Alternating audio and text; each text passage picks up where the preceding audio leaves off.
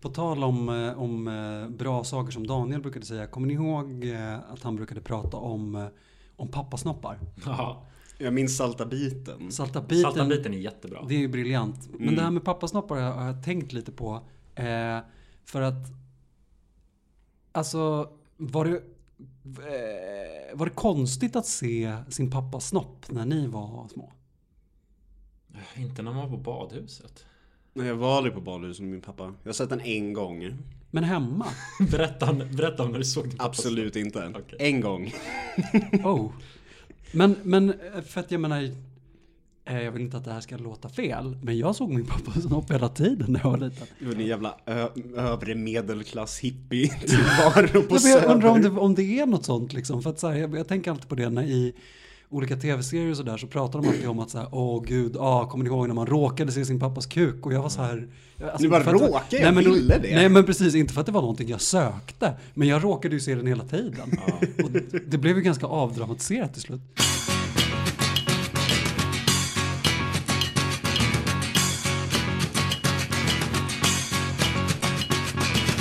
Välkomna då till det, vad blir det, fjärde avsnittet av killgruppen. Och eh, jag, Johan, är här idag. Rasmus är här. God dag. Och tillbaka från vildmarken, Christian. Hallå! Så, ja, hur är läget med dig då? Vart har du varit och så vidare? kommer vi väl komma in på lite senare, men... Eh, Jag har varit på rehab. Eh, Ska jag prata först eller? ja, vi kan väl ta lite pleasantries först, Mm. tänker jag. Ja, ja nej, men där har jag varit.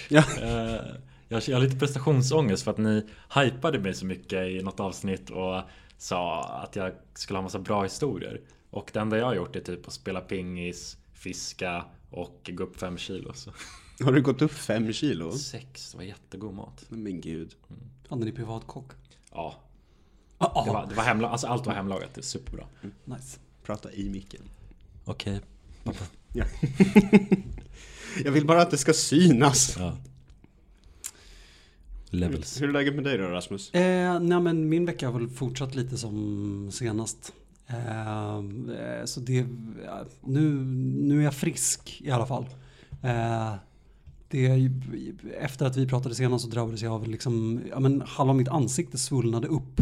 Eh, ja, men jag, jag fick en jävla pryl i ögat. Jag trodde jag hade fått ögoninflammation. Men sen så insåg jag att det var ju inte i själva ögat utan det var liksom under. Eh, men jag kunde inte ha linser inne så jag hade linser inne på höger sida. Så det, den sidan av ansiktet spände jag liksom jättemycket för att den skulle ta in alla intryck och sådär. Medan den andra halvan såg ut som att det höll på att smälta för att det var jättesvullet och jag såg ingenting. Eh, och det gjorde att jag fick migrän. Eh, så jag var sjukanmäld från, från jobbet i fredags, eh, vilket var jätte, jätteskönt. Mm. Eh, Det brukar vara då vara sjukskriven. Ja, precis. Vi hade Mm. dessutom planeringsdag. Eh, vilket- Jack. Ja. Eh, som hade varit på Serafen. För er som inte har varit där, det är ungefär som att så här, precis som en, en bunker i landstingsregi. Eh, Inte där bara alla sexigt. landstingslokaler. Jo, ungefär. Fast Nya Karolinska har ju åtminstone någon form av vansinnig estetisk. Liksom. Man ska kunna kolla på döda människor genom de vackra glasfönstren. och sådär. här är mer så här, här ska ni, hit kommer ni för att dö bara. Ja. Mm. Hur, hur har din eh, vecka varit Johan? Nej, det har ju inte hänt så mycket som vi såg sist. Eh, Att jag har använt min surdeg är väl det enda egentligen som har hänt. Och det tänker jag absolut inte prata om. Men det här är inte en matpodd. Men den har ett namn va? Ja, den heter Dego. Mm. Eh, nej men jag har varit på eh, rehab eh, Som ni vet Eh, Jag drog till ett en liten fin herrgård på landet Det var Det var inte jag, jag tror jag hade högre förväntningar För att man har sett på TV så här mycket så, eh, Det var inte celebrity rehab men det var nice Alltså jag hade eget rum och toalett och Var det några celebrities där då? Nej Eh, Väldigt besviken. Det var allt möjligt. Många jobbar på bank. Mm. Eh, men det var en kyrkogårdsarbetare till exempel. Och en som sålde husvagnar. Så jag menar, det var... Två riskfyllda branscher. Ja, ja nej, men det var blandad kompott. Ja. Men jag kan säga så här. Eh, 50% eller det var 50% bankmän, sen kanske det var 30% kockar. Så Ja. det är inte så eh, förvånande kanske. Um, Nej, kockar är ju lite, mm, de älskar både knark och sprit samt att inte sova. Så jag menar det, Mm. Ja, Det jag tycker var ovanligt här var att de var på rehab. ja, de brukar ju bara fortsätta jobba tills de dör. Ja, nej men lite så. Mm. Sen brukar de försvinna. Eh, men jag antar att det är där och mer På rehab. Ja, det, det, det är förmodligen det. Ja. Nej men så jag var där i fem veckor. Eh, Ja, vad... Ja, vad har hänt? Take us through it. Ta, ta oss igenom en dag Eh, Ja, men jag, kan i ta, jag kan ta igenom en dag. Alltså man går upp klockan sju och går och käkar frukost. Mm. Eh, Eller frukosten är mellan sju och 7.45. Mm. Eh, 8.30 är det meditation. Lyssnar vi på något kackigt band. Dålig app. Jag skulle ha använt den mindfulness-appen. Ja, men ja, meditation. Man, li- Man, Band, menar du att det var ett faktiskt band? nej, det var det inte. Nej, okej. Eh, Det var någon eh, app som jag inte gillar. Eh, Så Var det meditation timer? Insight Timer. Ja, Mm. den har jag använt. Jag gillar inte den här uh, dialekten på den här kvinnan. Man kan ju välja. Aha. Det, det finns Kan man välja dialekt? Det, nej, det finns ju jättemånga olika liksom, program man kan köra. Ah. Som man, det, den är så community-baserad. Det är så här jätteonödigt och så här lite småkonstigt. Det Men låter bara kackigt. ja, Jag föredrar mindfulness-appen och Headspace. Ibland Mm. Calm. Eh, ja men i alla fall, ja, men det var ju bra att meditera. Eh, sen så klockan kvart över nio så har vi morgongrupp. Och då kör man en... eh, Först läser man dagens text och då är det någon text som ska vara något så här. Om någonting ska vara lite så här. Vad fan heter det? inspirerande. Inspirerande. Eh, med en fråga så får man reflektera på den. Och sen så kör vi en känslorunda. Eh, och då frågar de vad sitter ni på idag? Så eh, då kan jag fråga dig Johan. Tre känslor som du sitter på just nu. Eh, tillfredsställelse. Och lite, lite kåt. Mm. Jag tror jag bara har två idag. Okej. Det känns det, som en sån dag. det är okej. Ibland har man bara två. Jag Ja. tycker de är på något sätt direkta motsatser till varandra också. Bara, Ja, verkligen. är du så kåt att du bara vill ha mer fastän du har fått ditt? Ja, men jag är tillfredsställd för att ni har ätit mina bröd. Ah, ja, ja. Jag, jag, har, jag har fött folk omkring mig idag. Och då blir du sugen på att knulla. Lite grann. ja, och sen, eh, och du då Rasmus? Nu blev jag också sugen på att knulla. Men, eh, men, Det är ju eh, faktiskt lördag. Nej men jag är, ehm, jag är utvilad. Eh, nu är jag ehm, också tillfredsställd för de här goda mackorna vi har käkat. Eh, men jag är också frustrerad. Ja. Mm. Ehm, Så exakt så där gjorde vi varje morgon. Eh, och först så skriver man upp och sen så går man tillbaka så får man utveckla lite. Mm. Eh, vilket är ganska bra, för de sa att det var för att vi skulle lära oss känna våra känslor. Eftersom att vi har lärt oss manipulera våra känslor. Alltså det är, det är väl det man gör när man super liksom. Ja. Eh, så det är bra, jag tycker fan det har hjälpt alltså. Eh, jag blivit bättre på att känna. Uh, Ranja säger att jag är mer öm och fin. kan känna mig. Känslig kille. Som ett ollon till personer. Ja, eller, eller inte. För att man, man är, det, det är ju så skört på något sätt att vara ett känsligt ollon. Så här. Man måste kunna hantera sina känslor på något sätt. Mm. Men det, ja, så det är morgonrunda. Ja, sen fick vi dra ett känslokort också. Eh, då fanns det så här 100 kort med olika känslor på, så då skulle man dra det. Vänta, finns det så många känslor? Ja, det är bara att du vet inte att det finns så Är många. det så här ilska 1 till 10? Hur många kort har du Johan? Uh, jag vet inte. Fem? och tre av dem är kåthet. ja. Men då har du ju förmodligen i alla fall grundaffekterna. ja, men det har jag. De har jag ju gått igenom mina egna Ja. terapeuter. Nu har jag ju dock glömt bort dem. Men det är ju någon form av så här grundpelare liksom när man ska prata om beteende och sånt där. Det är någon som är svår. Alltså man fattar ju ilska, sorg. Ja, Jag har det är de enda jag kan. Jag tror jag har dem på något papper någonstans men jag orkar inte gå och leta efter den nu. Ja. Nej men så det var ju en sån grej. Men det var kul också. För då fick man dra det så det. Idag ska jag känna mig... Det kunde vara glad. Det kunde vara fri. Modisk. vara an- inte modisk för det var positiva saker. Eh, Hundra positiva känslor till och med. ja. Jag fick frimodig en gång. Då fick jag googla vad det var. Är typ att man är lite rak och frank. Så tror jag. Mm. Ta av dig alla kläderna och gå över, vad heter det, över lokalen liksom. Mm. Ehm, Så det avslutar vi morgonmöte med. Och sen så var det en föreläsning om någonting. Eh, det kunde vara, någon gång hade vi föreläsning om anknytning, en annan gång så var det om postakut abstinens, eh, lite olika saker bara. Eh, vi hade en, alltså chefen där var riktigt så övertänd, speedad eh, gammal alkis som Ja. nu är chef där och eh, bara tränar hela tiden, är, är stoiker, alltså på riktigt. Eh, läser Marcus Aurelius, den romerska kejsaren som stoiker, har det på nattduksbordet och bara predikar om det. Oj. Och han är så speedad och övertänd hela tiden Ja. och dricker bara saltvatten. Eh, Va? förutom att han äter en gång om dagen.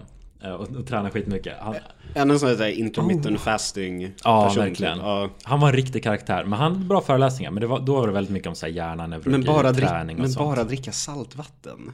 Det är ju Mm. inte stoiskt, det är ju bara så här lite rädd skulle man bli. Han var... Ja. Eh, men så då var det, ja, så var det alltid en föreläsning. Mm. Eh, sen så var det ja, vid 11 då kanske det kunde vara någonting mer, alltså kanske en redovisning. Vi fick göra redovisningar. Eh, eller så var det hopp och lek. Eh, och klockan 12 så var det lunch. Vad var det för sorts redovisningar? Alltså det var fyra redovisningar jag fick göra. Första ska man göra sin life story, då ska man berätta om sitt liv. Ja. Nu. Den andra den heter konsekvenser. Då ska man berätta, då ska man skriva upp så alla negativa konsekvenser man kan ha haft av alkohol. Och, Ja. eh, eller det behöver inte vara alkohol. Eh, det är alla möjliga beroenden där. Vad som än är ens gift liksom. Ja, de flesta hade alkohol men eh, en hade alkohol och cola. Eh, Mm. Men eh, så då får man göra det, en annan redovisning. Den tredje det var eh, livskompassen och då är det så här ACT-baserat. Att man Ja. Har olika områden i livet och så får man skriva olika värdeord där. Mm. Och sen får man skriva in en siffra hur viktigt det är för en. Ja. Och sen får man skriva det faktiska beteendet, alltså hur mycket man lever upp till det. Och sen så får man räkna differensen däremellan. Alltså hur mycket det skiljer. Ja. Eh, Så det blir en minus där liksom. Och sen räknar man ihop alla minus och ser hur hög livsdifferens man har typ. Det är matte och introspektion liksom. Ja, hemskt. Låter lite småförvirrande. Men den var, den var nice också. Eh, sen den sista var eh, framgångsfaktorer. Alltså man skulle bara räkna upp vad man hade för hinder för en nykterhet. Och, eh, vad man hade för styrkor och vad det fanns för hot och sådana där grejer. Ja. Eh, den är svår att förklara. Men eh, ja. Så det, sådana såna redovisningar hade vi. Mm. Ehm, och sen det var väl en dag ungefär. Alltså, sen vid, alltså vi var oftast klara vid två. Och sen så hade man ett enskilt samtal i veckan också med en terapeut. Mm. Ehm, det var också bra. Och träning var också inskrivet på schemat. Men det var inga så här gruppgrejer utan de hade ett gym och man fick gå dit själv liksom. Ja. Ehm, men Gjorde du det? Jag gjorde det typ varannan dag så det var bra. Mm. Ehm, Så, så jag, försökte, jag, jag fick in bra rutiner där som jag försöker fortsätta med liksom. Mm. Meditation och träna och sånt där, det, det är skitnice. Hur var käket? Skitbra. Alltså det var jätte, det var alltid så jävla bra mat. Det är därför jag har blivit så tjock nu. Alltså jag har gått upp 6 kilo, jag fick panik. Ehm, det är så alltid så här väldigt hemlagat och väldigt bra. Ehm, och eh, ja, men personalen där var skitnice. Uh, de har så nattpersonal som är där på nätterna och sover där. Och så, för det ska vara personal dygnet runt.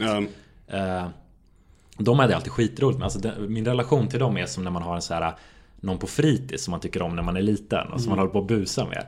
Eh, Så, så var jag med dem hela tiden. Eh, Så det var verkligen vuxenkollo. Eh, Jag, jag och en kille som heter Vi rodde ut på sjön. Eller nej, shit. Förlåt, klipp bort hans namn, bipa det. Ja. Det är sekretess. Eh, vi drog ut och fiskade på sjön. Uh, basta, hoppa i sjön. Uh, spela rundpingis. Mm. Det känns som en sån så här klassisk rehabiliteringssyssla. Mm. Rundpingis är skitroligt. Ja, det är verkligen Alltså det är så jävla roligt. Fy fan vad jag garva och... ja. Vi borde spela rundpingis. Ja men det borde vi verkligen göra. Kommer ni ihåg på tal om Daniel när han skulle försöka vara med på, på rundpingis när vi var på Ugglan en gång. Och det var någon så här jävla rundpingsfascister där som var så här liksom bara, Du Jag- följer inte reglerna! Jag var inte där, men jag har hört om det i efterhand. Jag har aldrig sett en person skämmas så mycket i hela mitt liv faktiskt. Men jag, var det inte att han gjorde fel att han stod kvar? Eller?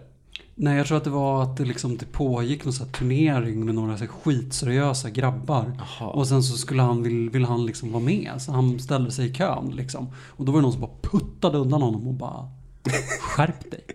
Vilka Det töntar. här är rundping. Ja men så här, borde det typ ping, pingiskillar? Eller är det innebandykillar som är liksom sportvärldens nördar?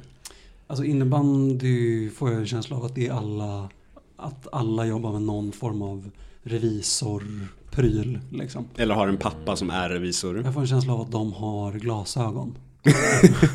De har sådana här skyddsglasögon som kostar så här 500 spänn. När de spelar innebandy, precis, Ja. precis, precis. Mm. Och just det, sen var det en till grej också på kvällen vid klockan tio i åtta Då var det kvällsfika Och sen Mm. så hade vi en kvällsrunda Då skulle man säga Tre känslor igen Tre saker man är tacksam för och vad man tar med sig från dagen Så, Mm. Runda. Men det, det är bra ändå tycker jag. Alltså, jag, jag, ehm, jag har gjort det hemma med Ranja också. Hur har den här vistelsen fått dig att känna liksom? Ehm, Jag mår bra, alltså jag mår verkligen eh, Jag känner mig verkligen förändrad sen jag kom tillbaka. Alltså att eh, Alltså jag mådde ju skit innan och var verkligen så här cynisk och deprimerad och Mm. Jag tror alltså jag hade, jag hade skjutit på mitt psykiska mående så länge. Alltså jag, jag bara stressade med skolan och sånt och tyckte det var så viktigt Eh, Att eh, mitt eh, psykiska välmående kom verkligen sist och jag mådde skit så jag behövde den här pausen. Mm. Jag hade ju varit nykter i fyra månader eh, in, Innan det här återfallet kan man säga och som gjorde att jag drog dit. Eh, Och det var ju inga roliga fyra månader. Alltså jag mådde ju verkligen bara skit och bara isolerade mig. Mm. eh, Och var jättestressad. Eh, Så det var på sätt och vis bra att det hände liksom. Eh, För nu när jag kommer tillbaka då känner jag känt mig mycket gladare och mer positiv och känner att jag har så här, ehm, så här mening eller att jag har liksom eh, Ja men så här, nu, känns, nu känns det som att allt är hanterligt. Eh, Ja. För innan så kändes allting ohanterligt. Eh, Så det är jag väldigt glad för, det var jättekul. Eh, Du, du får gärna säga om jag har fel nu. Men när, när vi hade spelat in första gången så det var ju första gången vi träffades på ganska länge. Eh, och då var jag i en nykter period också. Som Mm. jag sedan dess har avslutat. Och då kommer jag ihåg att på tunnelbanan hem så satt vi och pratade lite om det. Mm. Och jag tycker att det påminner ganska mycket, alltså det du säger nu påminner ganska mycket om det du sa då. Mm. Vilket ju alltså måste ha varit bara några dagar innan du tog det här återfallet. Mm. Ehm, och jag bara undrar, det som hände på lägret, var det att du, alltså, att du köpte olika liksom levnadsregler och idéer som du redan visste men har nu liksom lärt dig att sätta i system? Mm. Eller känns det som att hela din liksom världsordning har, har eh, tumlats runt av, av den här rehabvistelsen? Liksom? Eh, eh, det, det som känns är väl att eh, dels fick jag en paus från allt. Jag kunde släppa skolan. Och det gick ju också väldigt bra för jag skrev till min syo och det visar att jag får ju bara ett kort uppehåll så jag kommer tenta av en tenta nu. Sen får vi vänta till maj men då kan jag hoppa på sista delkursen som jag missade. Och sen så kan jag köra eh, min praktik i hösten. Ja. Eh, Så jag hamnar inte så långt efter. Mm. Eh, Och det, alltså... Jag höll ju på och stressade jättemycket bara för att jag ville så här, gå kvar. Jag ville inte gå om och sådär. Eh, Och bara kunna släppa den stressen. Och... eh, Ja... Men visst, det var väl att jag fick lite det jag sökte efter och behövde. Alltså... eh, Jag menar, alltså, ja, jag har ju försökt meditera och sånt men jag har aldrig velat fortsätta. Jag vet, alltså, jag, svårt att sätta ord på det men alltså, nå, någonting har verkligen känt, alltså, det känns verkligen annorlunda liksom, Mm. att komma tillbaka. Ehm, Du har fått verktyg för att kunna gå vidare med den formen av ta hand om sig själv. ja, kunna alltså, etablera bra rutiner på riktigt nu och liksom, ja, jag vet inte. Det känns som att det är lite så här, ja, vad ska man säga, ny start eller någonting. Mm. Mm. Eh, Som jag sa förut, jag är ju liksom ungefär precis där jag var senast vi snackade. Det vill säga fortfarande väldigt i någon form av ganska så här affekterad uppgörelse med, eh, med min så hemmamiljö. Liksom. Eh, vi har fått lite så svar på olika frågor om varför det har sett ut som det har gjort hemma vid. Eh, men jag menar det inled, alltså egentligen så innebär ju det bara inledningen på en process som ska kunna hjälpa oss. Liksom. På tal om att så hitta hjälpmedel och sådär så är det så här, ja men nu har vi kanske vi har kanske skrivit in oss på känslomässig rehab liksom. Men, men eh, vi har fortfarande men jag tror att vi, vi kommer nog behöva hjälp liksom, för, att, för att deala med vad det är vi, jag och min tjej behöver behöver lösa ut i det här. Liksom. För att vi, vi har varit tillsammans i, i åtta år och det ligger kvar så himla mycket bitterhet och skit liksom, efter Mm. våra åtta år tillsammans. Att sättet som vi, ja, men när, vi när vi hamnar i en, eh, i en diskussion med varandra så blir det automatiskt en sånt jävla ställningskrig. Eh, Mm. Så att vi har aldrig som ändamål egentligen att möta varandra. Utan vi är så jävla övertygade om att den andra personen ska implementera sin egen liksom, eh, agenda på allting som vi håller på med. Så att det hela tiden bara handlar om att beskydda sin egen integritet och att inte tillåta sig själv att bli screwed over Mm. hela tiden.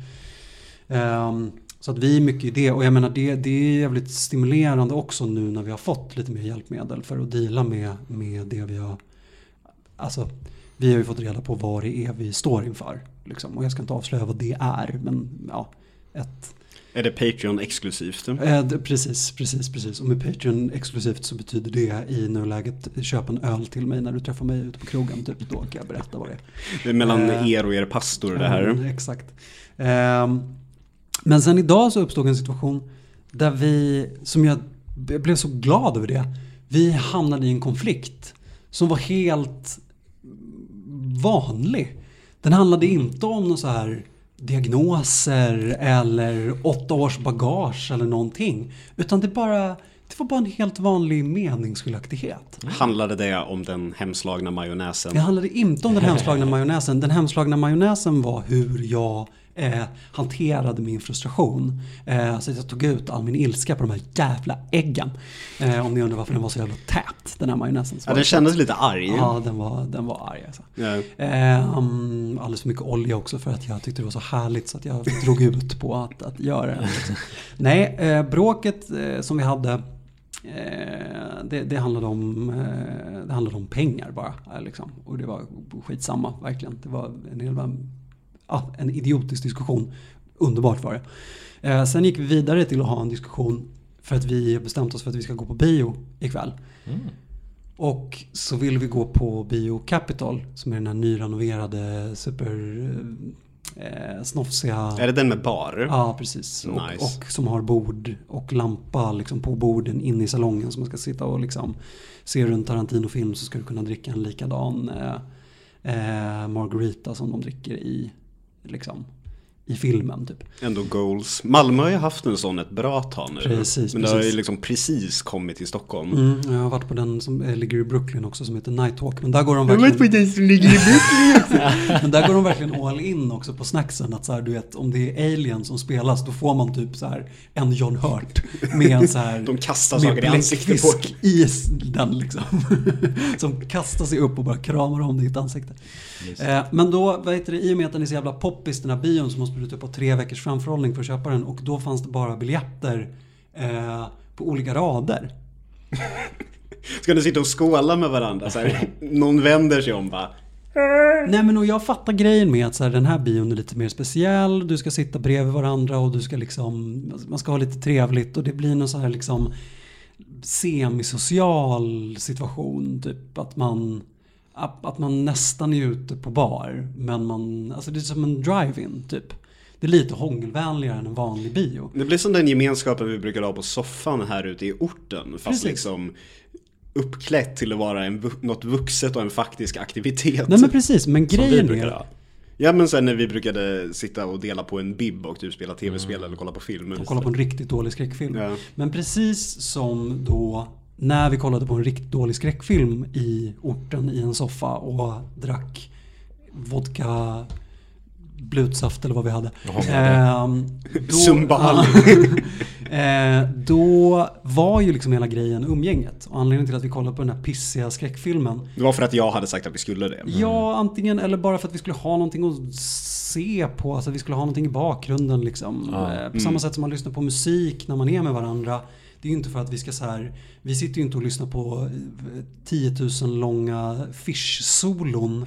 Bara för att vi är så jävla hypade på progg. Utan det är ju för att vi är så hypade på vårt umgänge. Mm. Har det här hänt? Har vi lyssnat på långa fishsor? Nej, för vi är inte idioter Nej. utan vi vill ju bara träffas och, och mysa. Liksom. Ja. Så därför har vi någonting dåligt på i bakgrunden som gör att vi inte behöver, vi behöver inte interagera med, med filmen eller musiken utan vi interagerar med varandra och sen så har vi det där som en, jag vet inte, som en bortförklaring eller något Vi slipper ögonkontakt. Ja men ibland. Om man, om man, man kan ha någonting att vila ögonen på liksom.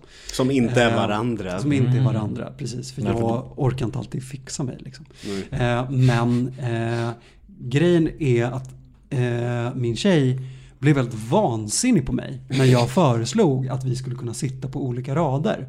För att när jag går på bio, då är det ju filmen som är det absolut viktigaste. Ja. Alltså det är inte det, och jag fattar grejen med så nu är vi på den här lite hångelvänliga biografen och sådär. Det är lite kul och man sitter och dricker en drink och det finns nästan, det finns nästan ett element av social kontakt även under själva filmvisningen. Ja, och också lite så om det är bord och sånt i vägen för underdelen av ens kropp, då måste jag ju känna att det är ju mer petting-kompatibel biograf än vanliga biografer. Alltså verkligen, men å andra sidan finns det också en lampa där. Så att, alltså, så man ser vad man håller på Alltså med. det skulle verkligen, man skulle verkligen kunna, om det idkas petting så Ja. skulle, man, skulle man kunna bevittna idkandet är väldigt bra liksom. Vi får fråga om en duk. Eh, ung, ja, ja men typ. Bara, hej, Eh, ursäkta. Eller ha en, en filt liksom som du har på dig. Nej men det är precis som en vanlig bio. Eh, Mm. Jag skulle faktiskt till och med säga att det är mindre petting-kompatibelt än vad det är i en vanlig biograf.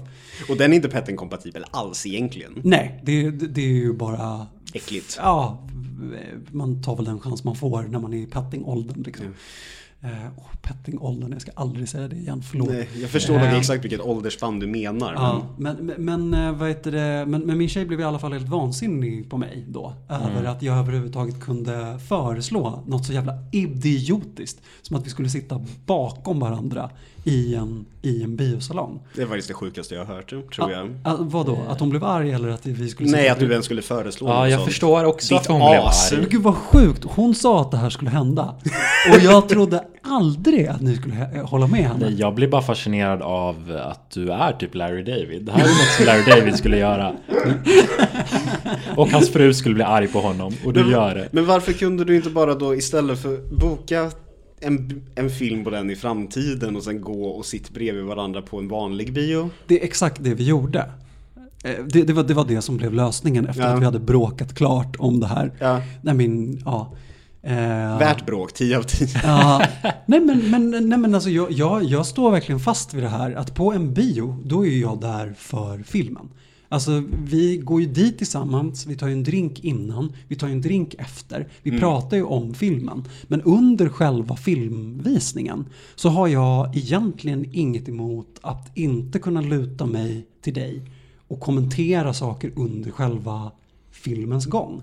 Jag har liksom ingen, jag har inget behov av den så här fysiska kontakten. Så, så, så, så förstår jag grejen, så här, man vill kunna luta sig mot varandra och sådär. Och, och jag menar det är självklart att så här, jag skulle ju aldrig boka biljetter bakom varandra om det fanns kommer möjlighet att jag skulle boka bredvid Nu kommer du bara så här för att make a point, alltid boka så här att ni är på varsin ände av Precis. biosalongen. Precis, om den, om den visas eh, samtidigt så, så, så, Två får jag boka två olika biografer. två olika delar av stan. Du får gå på Heron älskling, jag ska på... Jag ska till Mall of Scandinavia. Vadå, vadå? Det är IMAX båda två. Jag fattar inte. Jag Varför är fattar. du så jävla arg för? Är så jävla dumt alltså. Så jävla dumt. Brudar? Jag har exakt lika långt att åka till båda två. Alltså, jag kan betala din SD-biljett. Eh, nej men, men, men, Men jag förstår också lite vad du menar, för jag, är jag eh, hatar ju egentligen att gå på bio. Bara för att alla andra omkring mig vill alltid gå på bio på kvällen. Mm. Och jag klarar inte av att ha tonåringar och andra människor omkring mig. Jag Mm, ja, den crowden. Att se någonting klockan ett till halv två i en liten biosalong, man är typ fyra fem pers. Det är liksom jag, arbetslös bög, eh, ett arbetslöst par som förmodligen har rökt på innan, några gubbar. Det är så här lagom och alla håller käften. Det är perfekt. Åh, ja, ensam bio på dagen är typ det bästa som finns. Ja, det är underbart. Åh, Jag såg Fury Road på ensam bio, det var livsomvälvande. För det var min första ensambioupplevelse. Mm. Jag älskar ensambio. Ja. Jag var jättemycket på ensambio i tonåren och sen så var det någon gång jag var på ensambio och så blev jag konfronterad av ett killgäng som var där. Jag tror jag spelade i samma fotbollslag som något, någon av killarna. Ja. Och som bara, alltså de tyckte att jag var så jävla dum i huvudet som gick på bio själv.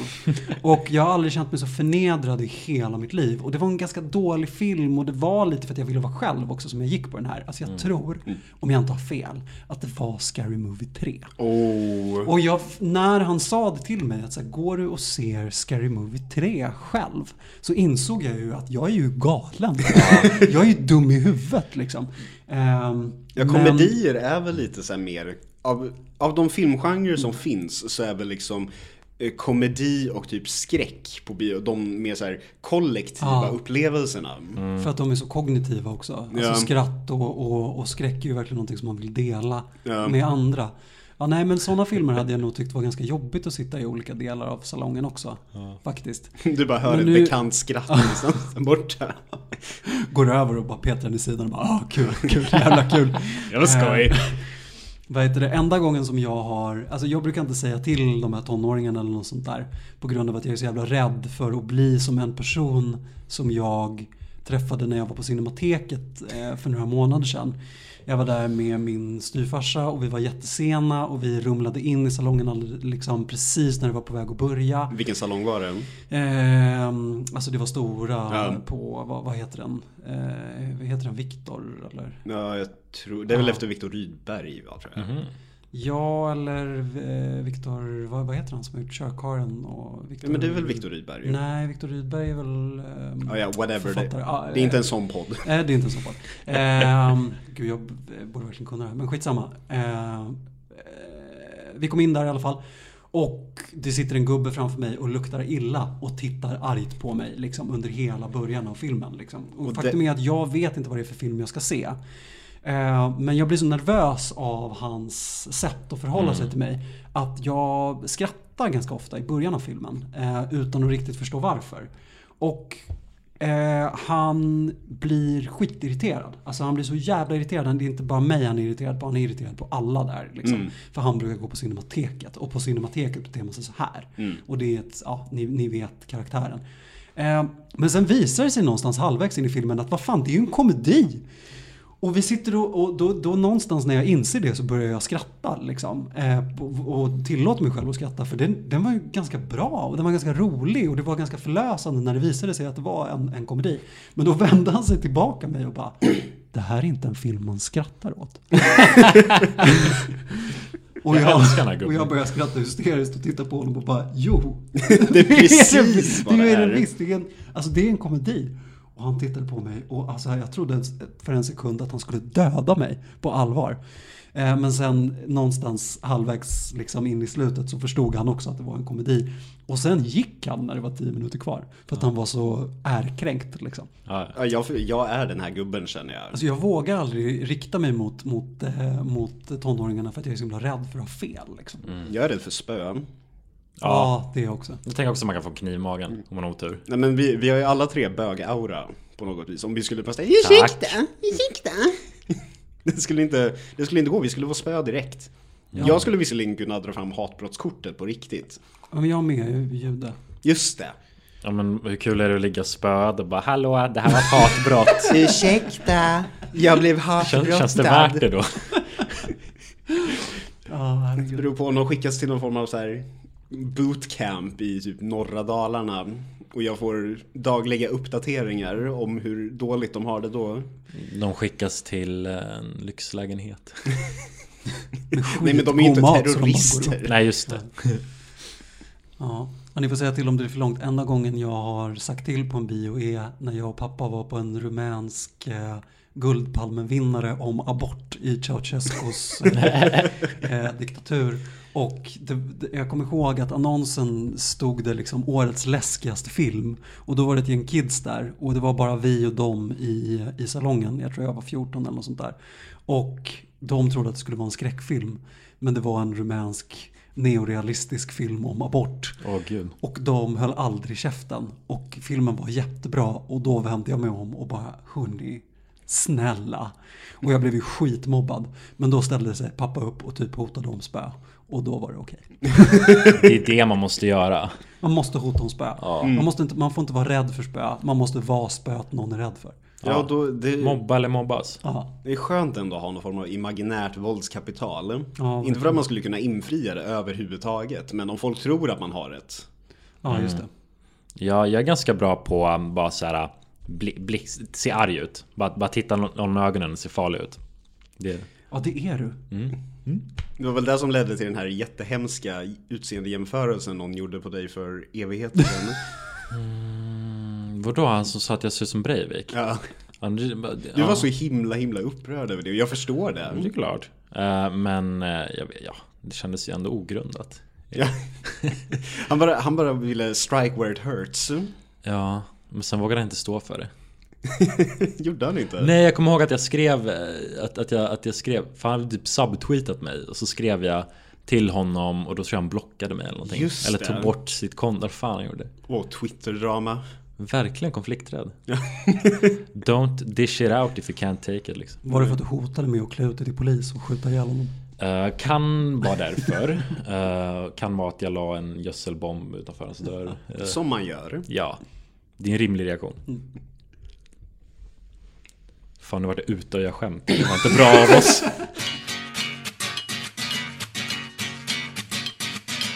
Man skulle väl kunna säga att tekniskt sett så är vi tre lite av... Vi har väldigt gemensamt att vi är lite fuck-ups va?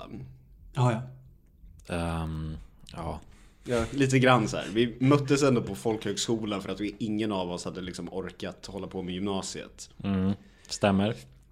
Och eh, min fuck-upness den började egentligen väldigt, väldigt mycket tidigare. Den började redan när jag skulle välja till gymnasiet. För jag var ju ett jävla geni då. Och jag tänkte, jag ska ju bli musiker. Det här är the way to go. För att jag var 15. Ja. Och då tänker man ju dumma, dumma tankar. Men eh, dagen det var dags för gymnasiet så valde jag att eh, då krypa upp till min mamma och säga eh, jag, jag vill inte läsa musik. Vad vill du läsa istället då? "Eh." Så då blev det att vi gick eh, ner till skolmyndigheten tror jag det var och eh, manuellt skrev in mig på hotell och restaurang. Och eh, så här, i efterhand var väl det bra tror jag, för jag kan röra mig i ett kök väldigt bra. Bättre än gemene man antar jag. Bra, bra merit. Ja men eller hur. Kan gå i ett kök. vad, har, vad har du för tillgångar till det här företaget? Jag kan göra rent en kaffebryggare. Det är ett av de rum där du inte är en fara för allmänheten. Men nej. Vardagsrum går inte. Sovrum, gud vad Alla de ofarliga rummen är du jättefarlig. Och jag Men såg- inte i det farliga rummet som har knivar. Jag sov ju i en säng i min gamla lägenhet som gick sönder när jag sov i den. Du sov sönder den. Med Simon. Så, sov du? Ja, vi sov. Ni sov? Och eh, mitt i natten bara Fromp! Simon börjar asgarva. Jag inser att klockan är tre på natten och blir skitsur för att han tycker att det är kul.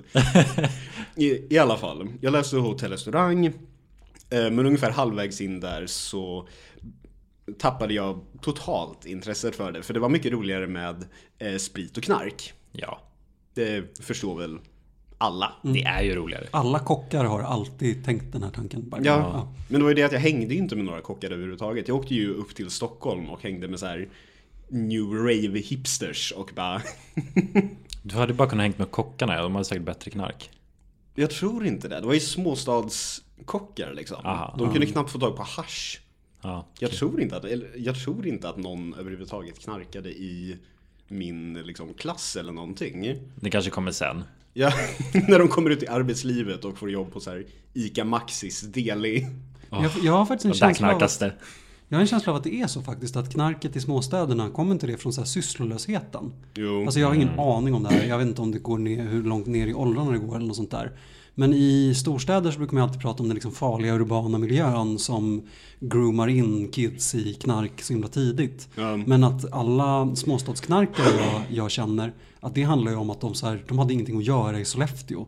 Så vad fan gör man? Jo, man knarkar och kör bil. Typ. Ja. 100 procent. Ja. Nej, men så här, vad ska man annars göra? I någon så här liten skitstad där det enda vad heter det, kollektivtrafiken man har är liksom bussar som går en gång i tre kvart. Mm. Men i alla fall, jag började punda och eh, dricka istället i eh, huvudstaden för det var mycket, mycket roligare än att eh, läsa gymnasie-naturkunskap.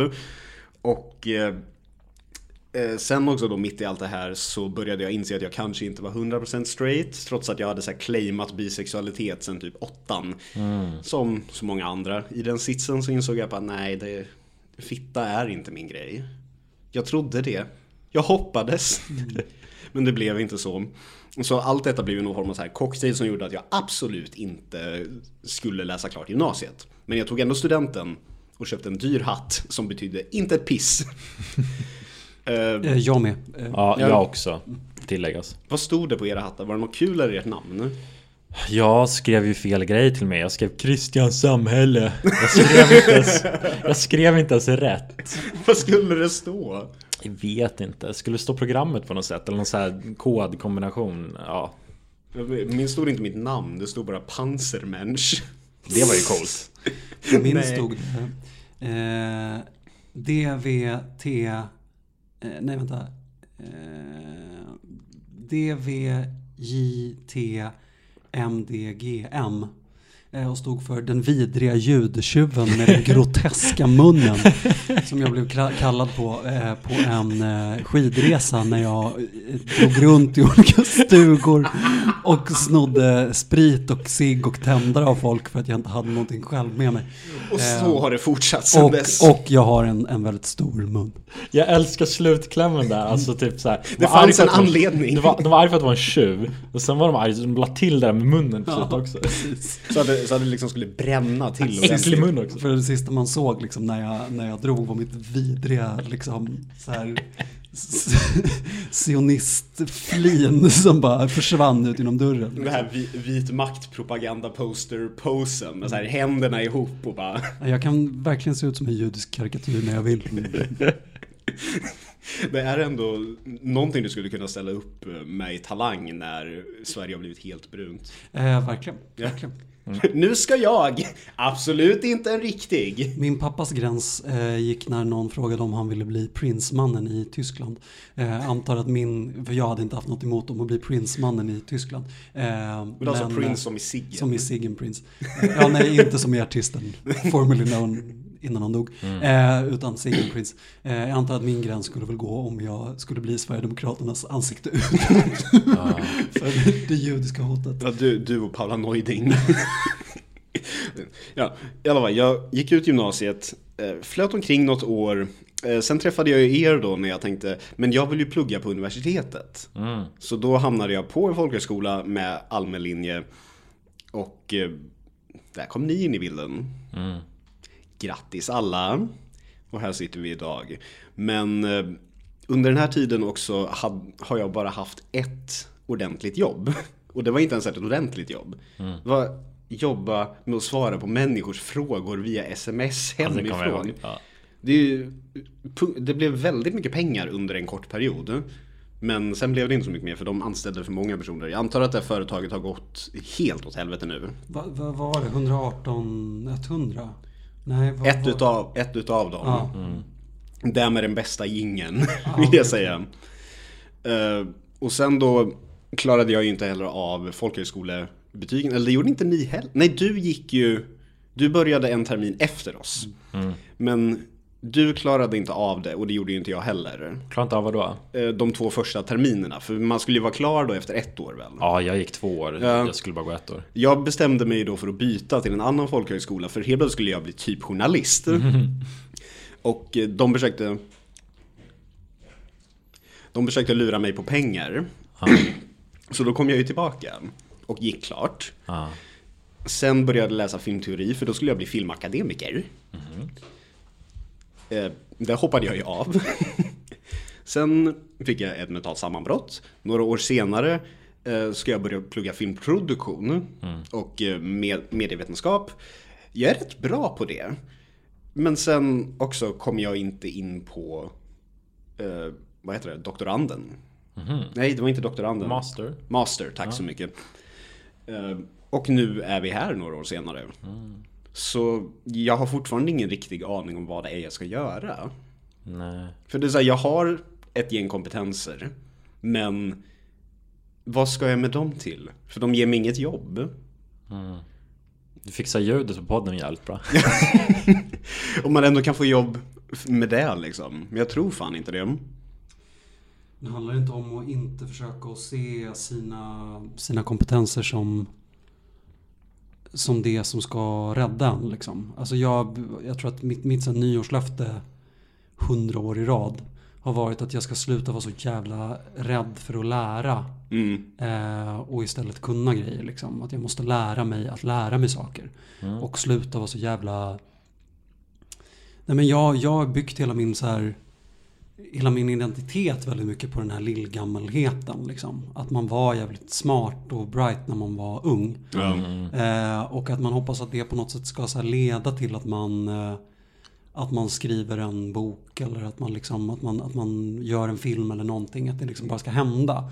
Men att göra det, att skriva den här boken eller något sånt där. Det gör ju att jag löper jättestor risk för att misslyckas. Så det vågar jag inte heller göra. Nej. Vilket innebär att jag aldrig gör någonting. Vilket har gjort att jag är så super... Det, det, det som har fått mig att må absolut bäst i och med att jag inte vågar åstadkomma någonting är ju när jag har gjort de mest hjärndöda, liksom, hjärndöda skitjobben. Liksom. Stå och hacka grönsaker eller jobba i en reception eller eh, alltså kockjobbet var ju helt underbart. För där Ja. kunde jag ju också låtsas som att det fanns något mått av kreativitet i det. Fastän det ju verkligen aldrig gjorde det på den nivån som jag ägnade mig åt kockyrket.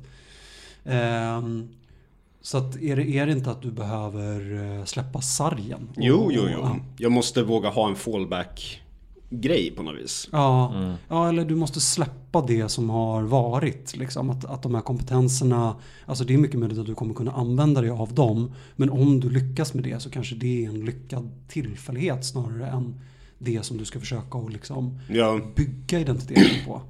Eh, Eller för mig var det i alla fall så.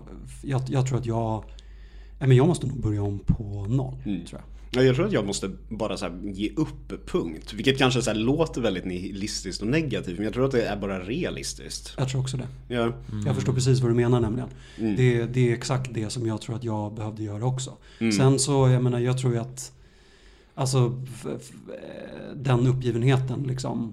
ehm, Att den skulle ju förmodligen skapa en miljö som där det är mycket, jävligt mycket lättare att lyckas med det som, som vi skulle vilja lyckas med. Ja. Också. Mm. Eh, Att det behöver inte utesluta någonting egentligen. nej, Men att liksom acceptansen för misslyckande ja, Mm. är det absolut viktigaste aspekten av vår utveckling. ja. Ja, och i framgång. Alltså, Ja. det är ju det, är det det handlar om, alltså inte vara rädd för att misslyckas. Eh, Nej, men så här, våga, ha någon, våga ha någonting man kan göra under tiden också. Mm. Medans man misslyckas. Någonting att falla tillbaka på. Medan man misslyckas. Med, medans man inte lever sina drömmar Ja. så ska man ha någonting man kan göra under tiden. Mm. Ja, jag safeade ju och valde något som man faktiskt får, får jobb på. Jag trodde ju det också. Sen så visade det sig att alla inom mediebranschen är homofober. Mm, Kommer ihåg vart ni hörde det först? Ja, Så ja, det, ja. det är homofobi. Ja, det är homofobi. Eh, inte antivitet skulle jag säga. Mest homofobi. Mm. Och antisemiter, by the way. gud, ja. Säger jag i förebyggande syfte innan jag misslyckas. Ja, de ber mig alltid ta av kippan när jag går på intervjuer. Ja, ja, ja, ja visst, visst. Nej, det är en sån här sotamössa säger vi. Nej, det är en kippa. Ut härifrån. Din semit. Ja men det är väl vad det egentligen är på väg med den här pratan utöver att prata om mig själv, vilket är topp 10 intressen liksom. Det är väl att man borde egentligen göra sig av med sina barn om de inte har någon direction innan de har fyllt 17. Bara börja om på nytt. För Skjuta annars kommer dem. Ja men så här, byt efternamn, byt land. och börja om med ett nytt barn. För det kommer liksom inte Den kommer inte göra någonting av sitt liv. Alltså jag håller inte med. Jag tror, att, jag tror att läget när man ska skjuta sina barn, det är när de blir självmedvetna och inser att de inte kan bli vad de vill. För det var ju det, det jag menar, är ju så att så här, skräcken över att misslyckas har ju funnits där för dig väldigt, väldigt länge. Ja. Och att det förmodligen är det som är det stora stoppet. Mm. Jag har ju ett gäng småsystrar som är helt underbart omedvetna om sina egna förmågor. Alltså de, de, de tror ju så mycket på sig själva. En utav dem har ju dock varit med i en av Sveriges mest kritikerrosade regissörers film. Och så hon, jag är menar, helt, hon är helt underbar och helt strålande liksom. Och hon kommer, det kommer gå hur bra som helst för henne för att hon aldrig har haft någon som helst anledning att ifrågasätta att det kommer göra det. Alltså jag tror att det kommer gå asbra för henne. Och hon har ingen som helst direction. Men hon behöver inte det heller. Och jag vill inte skjuta henne alls. Eh, tvärtom. Eh, däremot den sekunden där hon börjar tvivla på sig själv. Då kommer jag ta fram lugen. Liksom. Eh, det är bara, det är jag som är du nu. precis. Jag tycker ni bara ska ta det lugnt och lägga ner skjutvapnen. Snälla, ni behöver inte skjuta någon. I oss själva. Jag tror, det är väl det som är grejen. Att vi så här, vi, vi, jag, eller jag, en av mina favoritfantasier är ju åka tillbaka i tiden-grejen. Mm. Och slå ihjäl sig själv. Och bara, nej, men och bara spö sig själv lite grann. Liksom, så här, perfekt mycket, stoppa ner huvudet lite i toaletten och bara, fan skärp dig liksom. Jag tror jag borde åka tillbaka i tiden och typ så här, slå mina föräldrar lite för att de inte tvingade mig att typ spela fiol eller något när jag var fem och så här typ gav mig så här vattentortyr så att jag blev bättre på det. För då hade man haft någonting att göra. Men då hade du kanske varit en olycklig fiolspelare som hellre vill sitta och vara arbetslös film jag, jag tror bara olycklig fiolspelare än bara olycklig. Jag tycker det här låter som en seriemördare. Det är så här, någonting med den här jävla stråken. Att du ska hålla på och spela på människor. Som en sån här gammal italiensk krimfilm. Ja, Ja. Fiola med dig. något avsnitt av Hannibal där det är någon som stryp, gör pianosträngar va? Och, Ja. ja, det hade varit det. Ja, det hade definitivt varit jag. För mig handlar det väldigt mycket om att liksom... Eh, ehm, nej men och, eh, förlåt nu tappade jag tråden. Eh, nej jag tappade bort mig. Ja. Ja. Nej, Men det kanske egentligen också är den optimala fallback-karriären. Att man alltid kan bli seriemördare. Nej Johan.